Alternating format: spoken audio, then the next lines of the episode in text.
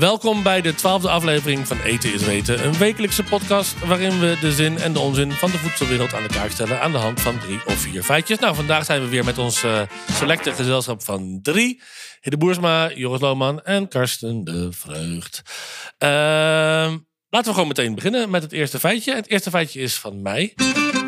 Ehm, en mijn feitje gaat over Gordina de Groot, a.k.a. de Mona Lisa van Gerwen. Wie kent haar niet? Ik. Ik ook niet. Go- Jullie- Ik heb nog nooit van de naam Gorwina. Zijn er nog mensen Nee. die Gorwina heten, denk je? Gordina. Gordina. Gordina. Ook datzelfde vraag. Gord- Staat de vraag nog steeds. Gordina, Gordina. was wel, eh, nou ja, voor de mensen thuis die uiteraard Gordina eh, Ook niet eh, kennen. Ook niet kennen. Ehm, Gordina is een, eh, eh, eh, eh, een dame, een boerendochter, eh, genaamd Gordina, die rond 1884 woonde in eh, eh, Nuenen, of in Gerwen. En in, eh, eh, van Gerwen en ze woonde in Nuenen.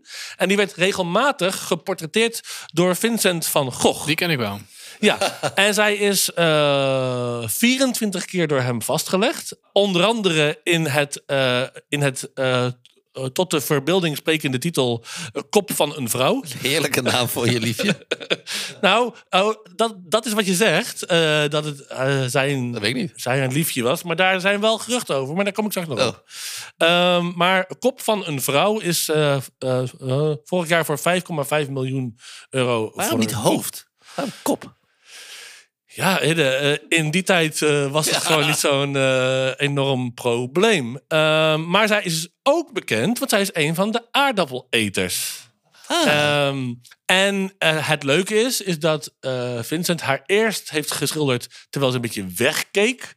En daarna heeft herschilderd dat ze naar eh, ons keek. Dus ze is Hoe weet ze dat? prominenter. Hoe weet ze dat, hoe het eerst Ja, was? daar heb ik geen idee van. Nee. Ik heb het gewoon. ze, toch? Dat Ja, dan hebben ze ik. een soort onderlaag of zo hebben ze gevonden. Ja. Restauratie. Vaag. Maar dus boze tongen zeggen dat Vincent van Gogh ook andere dingen met Gordina eh, deed. En volgens het Engelse veilingshuis van Kop van een Vrouw ehm, wijst de intimiteit die op het olieverfdoek aanwezig is eh, tot de verbeelding. Ik eh, quote: De verleidelijke, lichtspottende of plagende blik in haar ogen moeten door Vincent onmiskenbaar zijn geregistreerd zoals ze hem aankeek. De volle, rode, sensuele lippen glimlachen naar haar schildersmenneke. Maar je voelt naast de spanning ook de warmte voor hem. Vincent zal ook wel in die tijd met Gordina wat eh, tijd tussen de lakens hebben doorgebracht. Want hij schrijft aan zijn broer Theo ehm, dat je vooral moest genieten wat voorhanden was. Dat, vind, dat ik wel een leap. Dat is een sprong. Dat vanuit daar is het. Nee, deze is onomstotelijk dat- aangetoond. Dat betekent dat hij gewoon alles greep wat voorhanden was. Ja. Ehm, en Gordina is 71 jaar geworden uiteindelijk. En is overleden eh, in 1927. Ik vond, het op, ik vond dat opeens heel dichtbij komen. Ja. In mijn, in mijn idee was Vincent van Gogh echt lang geleden. Maar dat valt eigenlijk best wel mee. Maar zij ligt dus eh, eh, op een eh begraafplaatsje, op een kerkhofje in Gerwen. Helaas is de grafsteen verwijderd. omdat er een tuin is aangelegd. Dus Dit is bij iemand in zijn achtertuin? Nee, dit, is, dit, dit was dus De tuin van de kerk. bij een, kerk. En nu is, er al, al- nu is er nog een grasveldje van haar aanwezig. Ehm, maar dus ik denk dat het goed is om te onthouden eh, dat Gordina de Groot heeft bestaan. Ik vind het wel mooi dat, dat, dat schilderij, de aardappeleters, dat is, hij, eh Vincent Gogh heeft dat dus helemaal geschilderd in de kleuren van een net geoogste aardappel. Als je er nu naar kijkt, ik heb dat laatst voor ik heb dat laatst net geleerd. Dat is inderdaad zo alleen maar een beetje bruin tinten. En heel vaak wordt gezegd dat hij, eh, dat heel veel wordt gedacht dat hij een soort romantisering van het platteland doet. Maar hij doet het juist inderdaad in die kleuren van, eh, dat het echt een verschrikkelijk leven was. Hij heeft natuurlijk ook in had ook wel in Parijs en zo gewoond. Het leven toen in dit soort dorpen was natuurlijk echt nog wel even andere koek. Dus het was een, een ruw leven wat hij volgens mij best wel mooi heeft eh Ja, ja, ik vond het überhaupt ook wel grappig dat eh, de aardappeleters zo'n iconisch idee is van, van, van onze Nederlandse eh, cultuur. Terwijl de aardappel pas 400 jaar in, eh, in ons land is. En daar- Want waar komt de aardappel vandaan? 300 Hidde? Nou, ik weet dat dat. Ja, eh, Karsten mag het toevallig. vertellen. Er is een, een, een legende die zegt dat de aardappel oorspronkelijk komt van een eiland wat ligt bij Chili. In de vorm van een aardappel is. Ja, Eh, alle maar eilanden. alle eilanden zijn in, in, in de vorm van een, a- van een aardappel. Terschelling. het is heel lastig om een, om een eiland te vinden wat niet eh, in de vorm is van Ook een, omdat een aardappel zoveel vormen kan aannemen. Heel goed. Ja, maar officieel komt hij dus uit, eh, uit, uit de, de Andes. Dat heet ook wel eens dus gewoon aardappel Andes. Eh, ehm, ja, Maar uit Zuid-Amerika, dus ik vind dat, altijd, dat is altijd, ik vind dat toch altijd een van mijn favoriete feitjes. We hebben het al een keer genoemd, gewoon dat eigenlijk bijna alle gerechten in Europa die je als typisch Italiaans of typisch Hongaars of typisch Nederlands, allemaal uit de regionen, allemaal uit de regio Zuid-Amerika komen. En zelfs, ik vind dat bij in, in, in India en Thailand nog veel. Dat is heet, dat is pittig, maar die hele eh, pittige peper, de he- rode peper, komt ook uit Zuid-Amerika. Dus al die gerechten zijn niet ouder dan 400 jaar. ja, dat is wel. eh, ja, want eh, jij noemt Hongarije vanwege de paprika. Je noemt Italië vanwege de tomaat. Tomaat. En Nederland vanwege de aardappel, Ja. uiteraard. Ja, goed. Eh, maar wij waren in eh, Ecuador. En dat je ook heel veel verschillende, heel veel verschillende Is dat? soorten Oh. van, van sash. Toch? Ja, zeker. Ja, eh, dit is misschien een, een klein generatiekloofje. eh, Nee, nee, ik ken het wel. Maar. Jongens, encore une fois. Dat is Eh, nou ja, dus eh, eigenlijk wil ik hiermee mijn feitje eigenlijk dus afronden. Eh, de Mona Lisa van Gerwen, a.k.a. Gordina de Groot, die eh, eh, op de doeken eh, te zien was van Vincent van Gogh. Gordina. Onthoud die naam. Gordina. Het tweede feitje is van Hiddeboers. Ja. Bevatten groenten nu wel of niet meer nutriënten dan vroeger? Eigenlijk is dat een vraag, maar geen feitje. Dus ik ga hem nog een keer doen als feitje. Groenten en fruit en eh, graan en alles bevatten vroeger meer nutriënten dan nu. Oh, wacht even. Ja, know. Dus dat Nee, heel- maar wacht even. Ja, nee, Dit zeg jij. Daarom. eh, Wacht even, maar kan Ja. nou even, Ja. wil je nog één keer Ja. dit, dit herhalen? Ik, krijg dit heel vaak, ik kreeg dit heel vaak altijd voor, eh, de- voor de voeten geworpen. Vroeger was het eten gezonder. En ik heb daar heel veel research naar gedaan. En toen kwam ik uit tot Door wie krijg je dat er voor de Nou voeten ja, heel veel mensen die eh, tegenstander zijn van de moderne landbouw. Die zeggen, ja, maar, het, Van alle, alle eh, tomaten eh, bevatten minder nutriënten dan vroeger, minder voedingsstoffen. En ik heb dat best wel En jij zegt altijd, nee, zeg, nou, joh. dat valt wel mee. Ik- En, en- en- als je kijkt naar de literatuur tot deze paper, eh, tot de meest recente paper, is dat ook heel erg onduidelijk. Het is heel moeilijk om te meten, want heel veel metingen van vroeger zijn natuurlijk vrij onbetrouwbaar of wordt op totaal andere manier gemeten dan we dat nu doen. Dus het was altijd heel onbekend. Er waren wel een paar aanwijzingen, maar het wa- het was dan ook heel vaak niet klinisch relevant. Maar nu is er dus net een nieuw artikel uitgekomen die toch echt wel voor mij nou ja, duidelijk maakt, er is wel eh, een verschil. En dan vooral in eh, micronutriënten zoals koper en magnesium en zo, dus minder in vitamines. Eh, maar vooral in dit soort micronutriënten die je wel echt nodig hebt in je lichaam. Eh, er, zit, dus wel een soort grain of truth in het feit dat we heel erg veredeld hebben op calorieën. de graantje 20e eeuw. waarheid. Ja. Goed. Maar, oké, maar ik wil dit even, ja, sorry Ja, hoor. nee, ik ik van dit, kijk, dit is namelijk... Know, Ik heb know. hier dus een vraag discussie. over. Ja, dat mag. Ja, Jij ik ook? ook. Nou, ik wil het nog even ontleden, want we hebben de tijd. Ja. Ehm, want inderdaad, hè, dus, dus jij zegt, jij bent een, bekend voorstander van moderne landbouw. En er zijn eh, mensen die daar wat vraagtekens bij hebben, of in ieder geval de duurzaamheid van duurzame landbouw, onder andere vanuit de biologische sector. Want de bodem wordt uitgeput. Ja, en die zeggen, ja, dat kan je dan wel zeggen, maar dat is eigenlijk een soort turbolandbouw Ja. geworden. En eh, een van de gevolgen daarvan is dat de bodem uitgeput wordt en dat daar dus ook minder gezonde producten uitkomen. En dan, eh, dat Ja. is- en dan zeg jij altijd, nee, je moet je niet zo aanstellen. Dat is helemaal niet waar, want daar is geen wetenschappelijk bewijs voor. Nou. en nu zeg Ja, jij dat... Nou, Ja. Nee, de nuance Ja, is, kijk, daar het, komt dus, nou, nee, het komt dus niet door de bodem, maar echt door de veredeling. Dus het is niet zozeer dat, ze, eh, dat de bodems uitgeput raken en dat er daarom geen kopen. Maar we hebben heel Dat erg... zegt dit eh, paper. Ja, deze paper zegt, die, we hebben dus ehm, eh, heel erg geselecteerd op wat hij heet dan allocatie van energie. Dus waar gebruikt een plant zijn energie voor? En dat is dus heel erg voor het opslaan van carbohydrates, van carbs, van energie. Veel meer dan het opslaan van andere nutriënten. Dus de, de bodem was eigenlijk nog wel rijk, net zo rijk. Maar de plant kiest ervoor om meer eh, carbs te maken. En ik snap, dat, ik, kijk, ik krijg het inderdaad heel vaak voor de voeten te verworpen als een soort, eh, zie je wel dat die moderne landbouw slecht is. En dat vind ik dan, ik snap dat, maar tegelijkertijd vind ik het ook een beetje oneerlijk. Want waar hadden we nou 100 jaar geleden heel veel behoefte aan? Eh, calorieën en energie. We hadden gewoon veel te weinig voedsel. Er was niet, ja, was vast ook een gebrek aan vitamine, maar was vooral een gebrek gewoon aan voedsel in het algemeen. Dus ja, er is heel erg geselecteerd op opbrengst en op eh, calorieën, op energie. Eh, en het is misschien wel een keer tijd om daarmee te stoppen, maar het had wel echt een functie toen. En we hebben hier ook al een keer in de uitzending gehad dat eh, het eetpatroon van een, van een iemand die in de stad woonde in het jaar 1900, eh, ja, dat was toen echt niet om naar huis te schrijven. Tomaten hadden misschien wel iets meer nutriënten, maar niemand at ze, want er was, die waren helemaal niet toegankelijk. Ja, oké, Dus- maar nu heb je het over 100 jaar geleden. Dus in de tussentijd is, is- er wel wat. Ja, eh, maar nee, dus is dit zorgwekkend? Nou, kijk, ik, kijk, het punt is, dat, dat, dat zeggen deze wetenschappers ook, uiteindelijk gaat het erom, je moet gewoon je hoeveelheid groente en fruit eten. Dus die 200 gram, 250 gram. Dat Dan- halen we zo ook niet. Nee, dat, nee, dat halen we ook. Dus dat, dat is, da- daar gaat het om. Dat, dat is het. Vroeger had, had niemand gezond omdat het niet voorhanden was. Dus het is nu wel voorhanden. Dus you better eat it. Zouden we eh, moeten gaan selecteren, misschien nu, op eh, nog, wat gezondere tomaten? Kijk, we leven echt wel gezonder dan toen, omdat we meer toegang hebben tot groente en fruit. Daar zit iets van 10 tot 20 procent soms minder eh, van dit soort nutriënten in. Ah, best Eentje veel. Ja, nog vind je dat veel? Ja. Dus- Eh, en dan misschien dus één Hoeveel? tomaatje 10 tot 20 procent minder. Dat vind ik eh, inderdaad best ja. wel veel. Nou, en, en dus dan moet je misschien een extra tomaatje eten. Fijn dat die er is. Maar ja, dus er zitten ze echt wel een soort waarheid in. Ja, maar Dat- dit, dit, dit doet toch wel wat met, jou, eh, met jouw verhaallijn. Nou, ik denk het eigenlijk niet. Nou, en wat ik wilde, je gaf net geen antwoord op mijn vraag. Je zei, kijk, Ja. dat 100 jaar geleden dat we dit. en Oké, prima. Maar in de tussentijd is er nog wel wat gebeurd. Hè? We, we, we, hadden eh, allang anders kunnen gaan veredelen.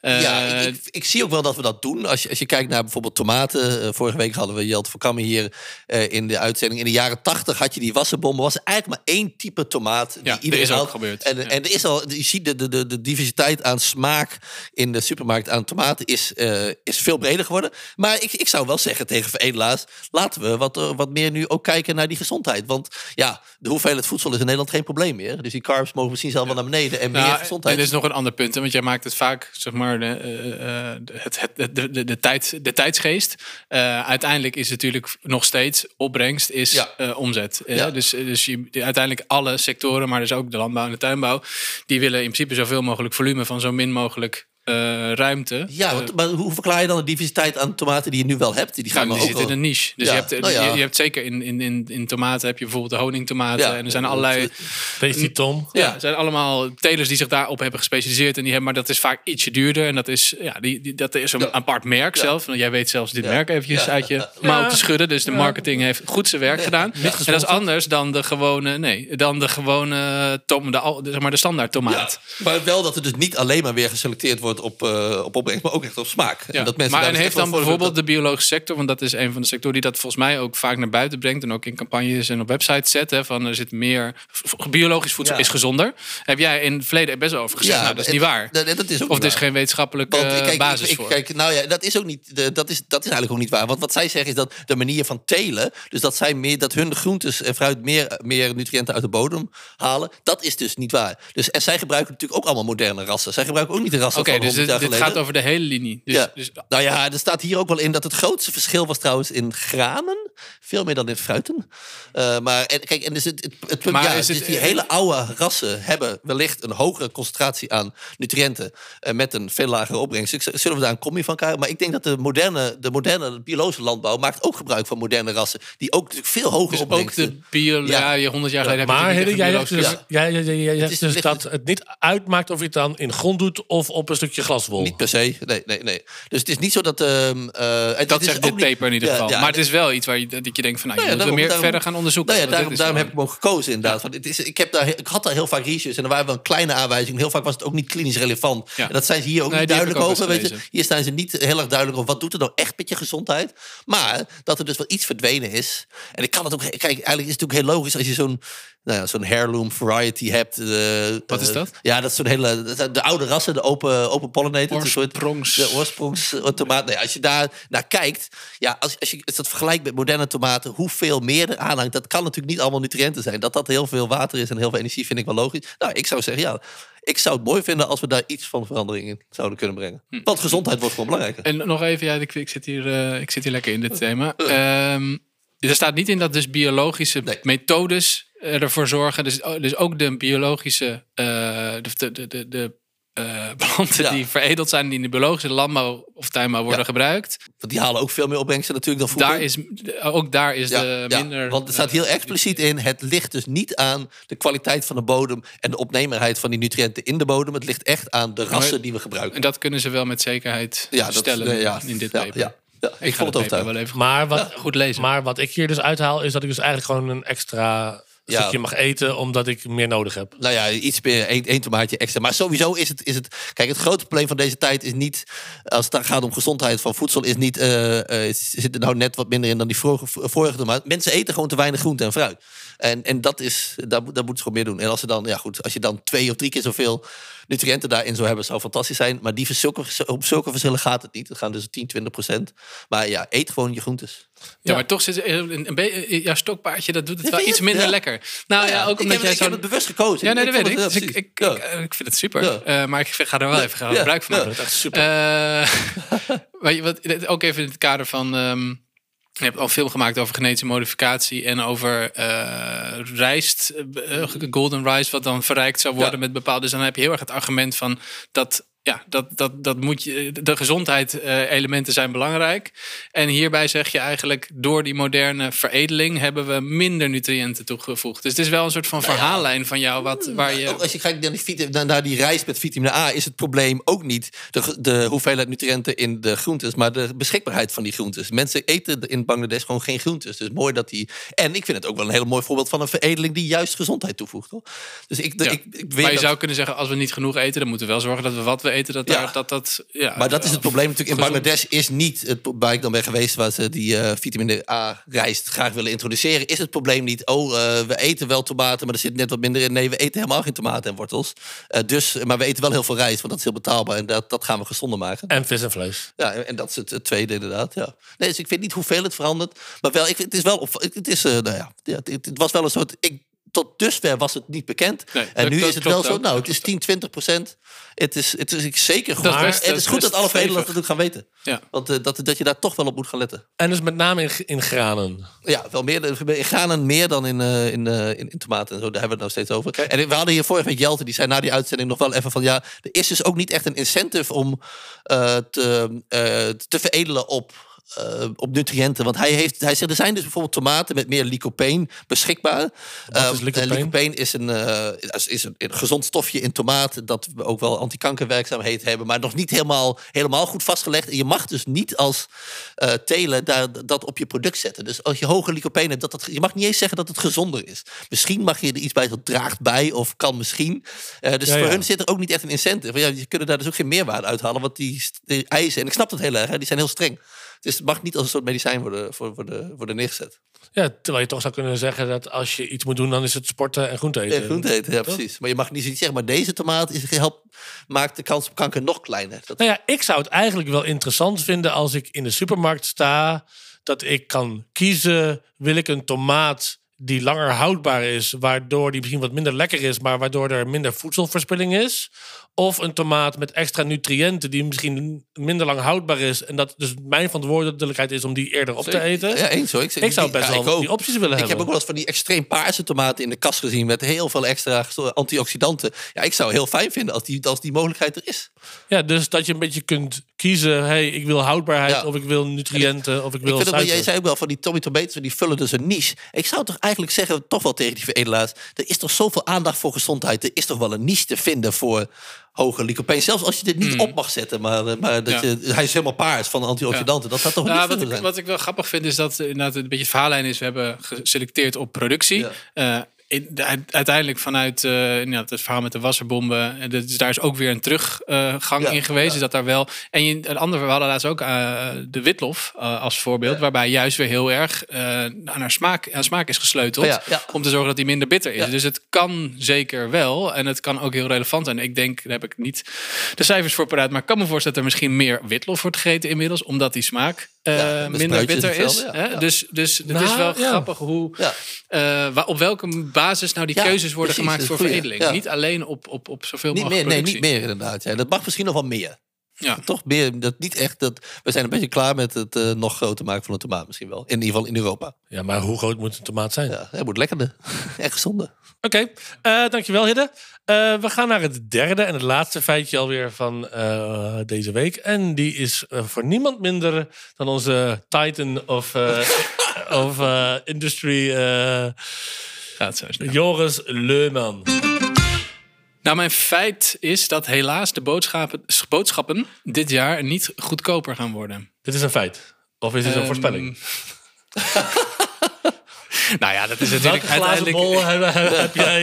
eh, Nee, het is een, natuurlijk is het een voorspelling. Dat weten we pas over een jaar. Dus laten we dan nog een keer terugblikken op dit feitje. Waar gaan we de aan- Ehm, in de show notes. Maar laten we zeggen, het is wel een onderbouwde voorspelling. Eh, en ik heb het ehm, eh, Oh. eigenlijk ontleend aan eh, de directeur van het CLB. Dat is de brancheorganisatie van de supermarkt. Ook wel eh, in de volksmond retail genoemd. Retail. Retail. Nee, de supermarkten dus.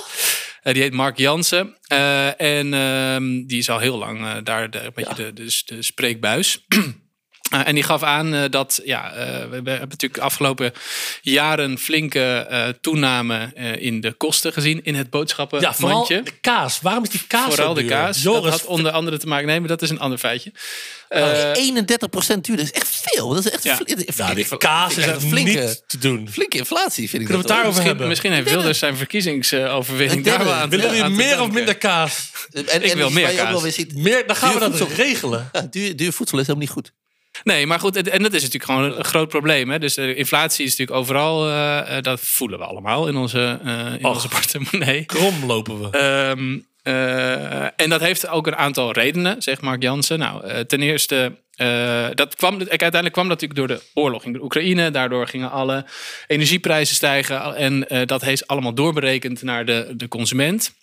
Eh, als een reactie erop heeft de overheid natuurlijk weer. Is er eh, een hoop kaas in Oekraïne? Nee, eh, nee, dat kwam vooral de graan. Maar wel de energieprijzen gingen omhoog. Eh, dus eigenlijk de, de, de productiekosten van voedsel over de hele linie... en ook de transport en et cetera... is allemaal duurder geworden. Nou, dus die inflatie die is ontzettend hoog. En eh, dan hoop je op een gegeven moment... dat die inflatie misschien maar wat minder wordt. Eh, die inflatie wordt overigens wel wat minder... maar dat betekent niet dat het goedkoper wordt. En wat hij eigenlijk Wordt de zegt... inflatie dan minder of de prijs gaat ook dalen? Gaat Ja, precies. De inflatie wordt dus dan minder. Hè? Dus Maar de prijs minder gaat snel omhoog. Eh, ja, maar dus, dus dat, dat dingen echt van, eh, van 2 euro naar 1,90 worden... dat gebeurt dus niet. Nee. Dit is inflatie. Dat is inflatie. Economieles. Ehm, Heel veel mensen denken van het- minder inflatie betekent niet lagere prijs, alleen dat ze minder snel stijgen. Weten jullie Precies. nog het verschil tussen economie 1 en 2? ik heb... eh, Je hebt ja. het bijna niet gehad. Dat, eh, Ik heb het wel gedaan. Ja. heb één gedaan, voorbij. Nou, laat mij dan even laten woord. Ja, hij heeft twee gedaan. Ehm, maar goed, dus inderdaad, boodschappen zijn 31% duurder. En nou, wat hij dus eigenlijk zegt, eh, helaas, eh, daar kunnen we het komende jaar van verwachten dat dat eigenlijk gewoon niet minder gaat worden. Want de lonen zijn ook gestegen. Ehm, eh, en hij telt daar ook nog bovenop dat er allerlei dingen gaande zijn. De energietransitie, de landbouwtransitie. eh, waardoor, nou, ik heb het ook al eerder over gehad, eh, boeren met stijgende prijzen te maken hebben.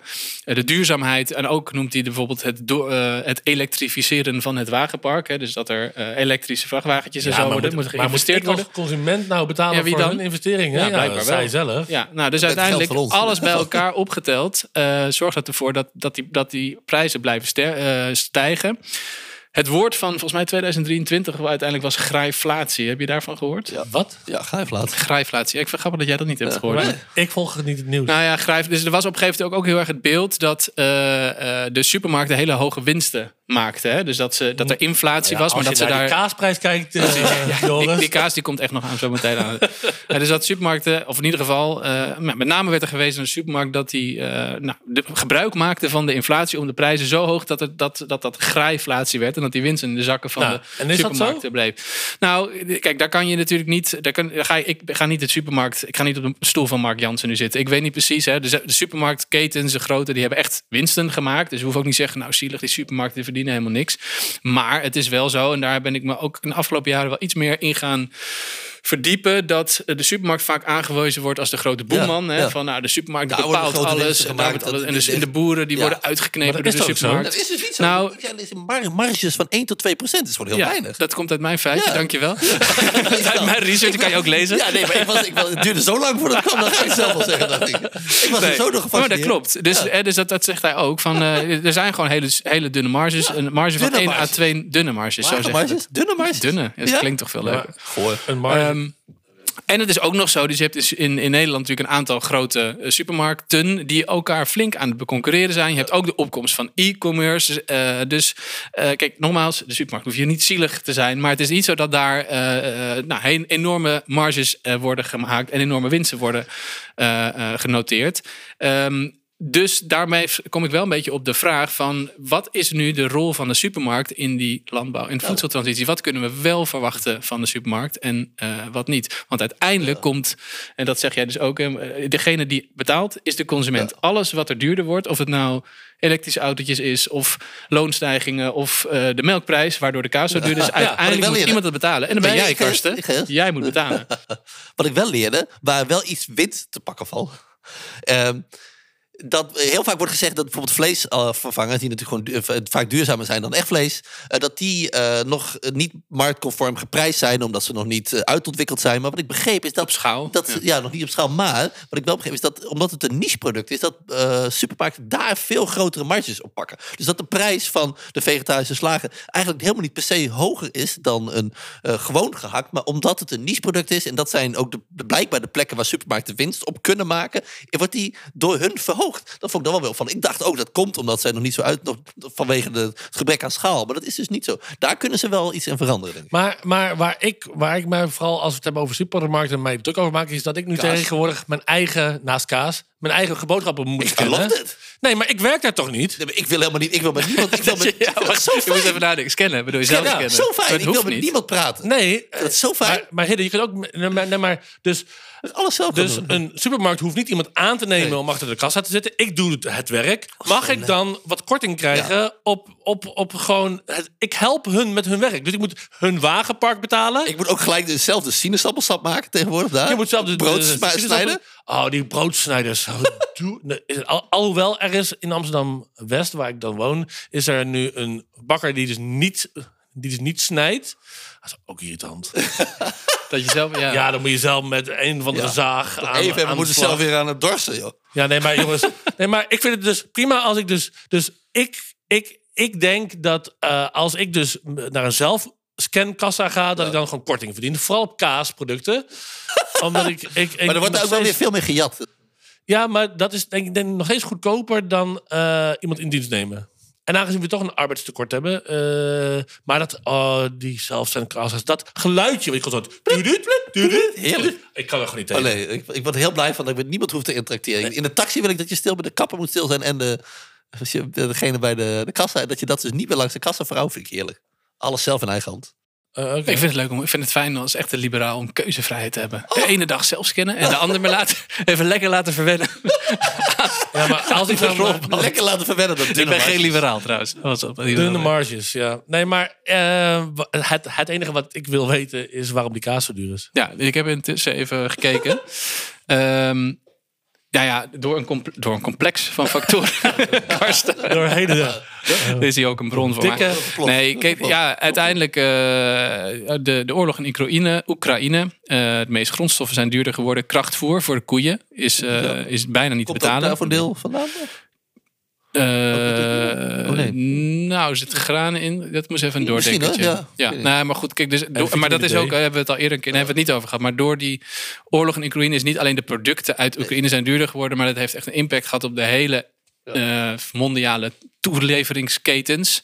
Eh, want we hebben ook al eerder gezien dat de, prijs van voedsel niet door vraag en aanbod Nee, tot wordt gepresenteerd, maar dat het eh, ook op de wereldhandel eh, dat daar heel veel invloed op heeft. Dus die, die, die, die, disruptie van die oorlog heeft gewoon ervoor gezorgd dat eigenlijk die hele ja, toeleveransketen van voedsel duurder is geworden. Kunstmest, de diesel is duurder geworden, energie Ja. is duurder geworden. Dus daardoor is de literprijs van melk voor boeren in vijf jaar tijd van 40 naar 63 cent per liter omhoog gegaan. Nou, dus en dat wordt dat doorberekend. Dat is Ik moet 50% wel. omhoog. Ja, Dat is veel. Ehm, ik moet wel zeggen dat ik dus in mijn lokale supermarkt, waar ik geen reclame voor ga maken, toch het idee had. De Sligro. Nee.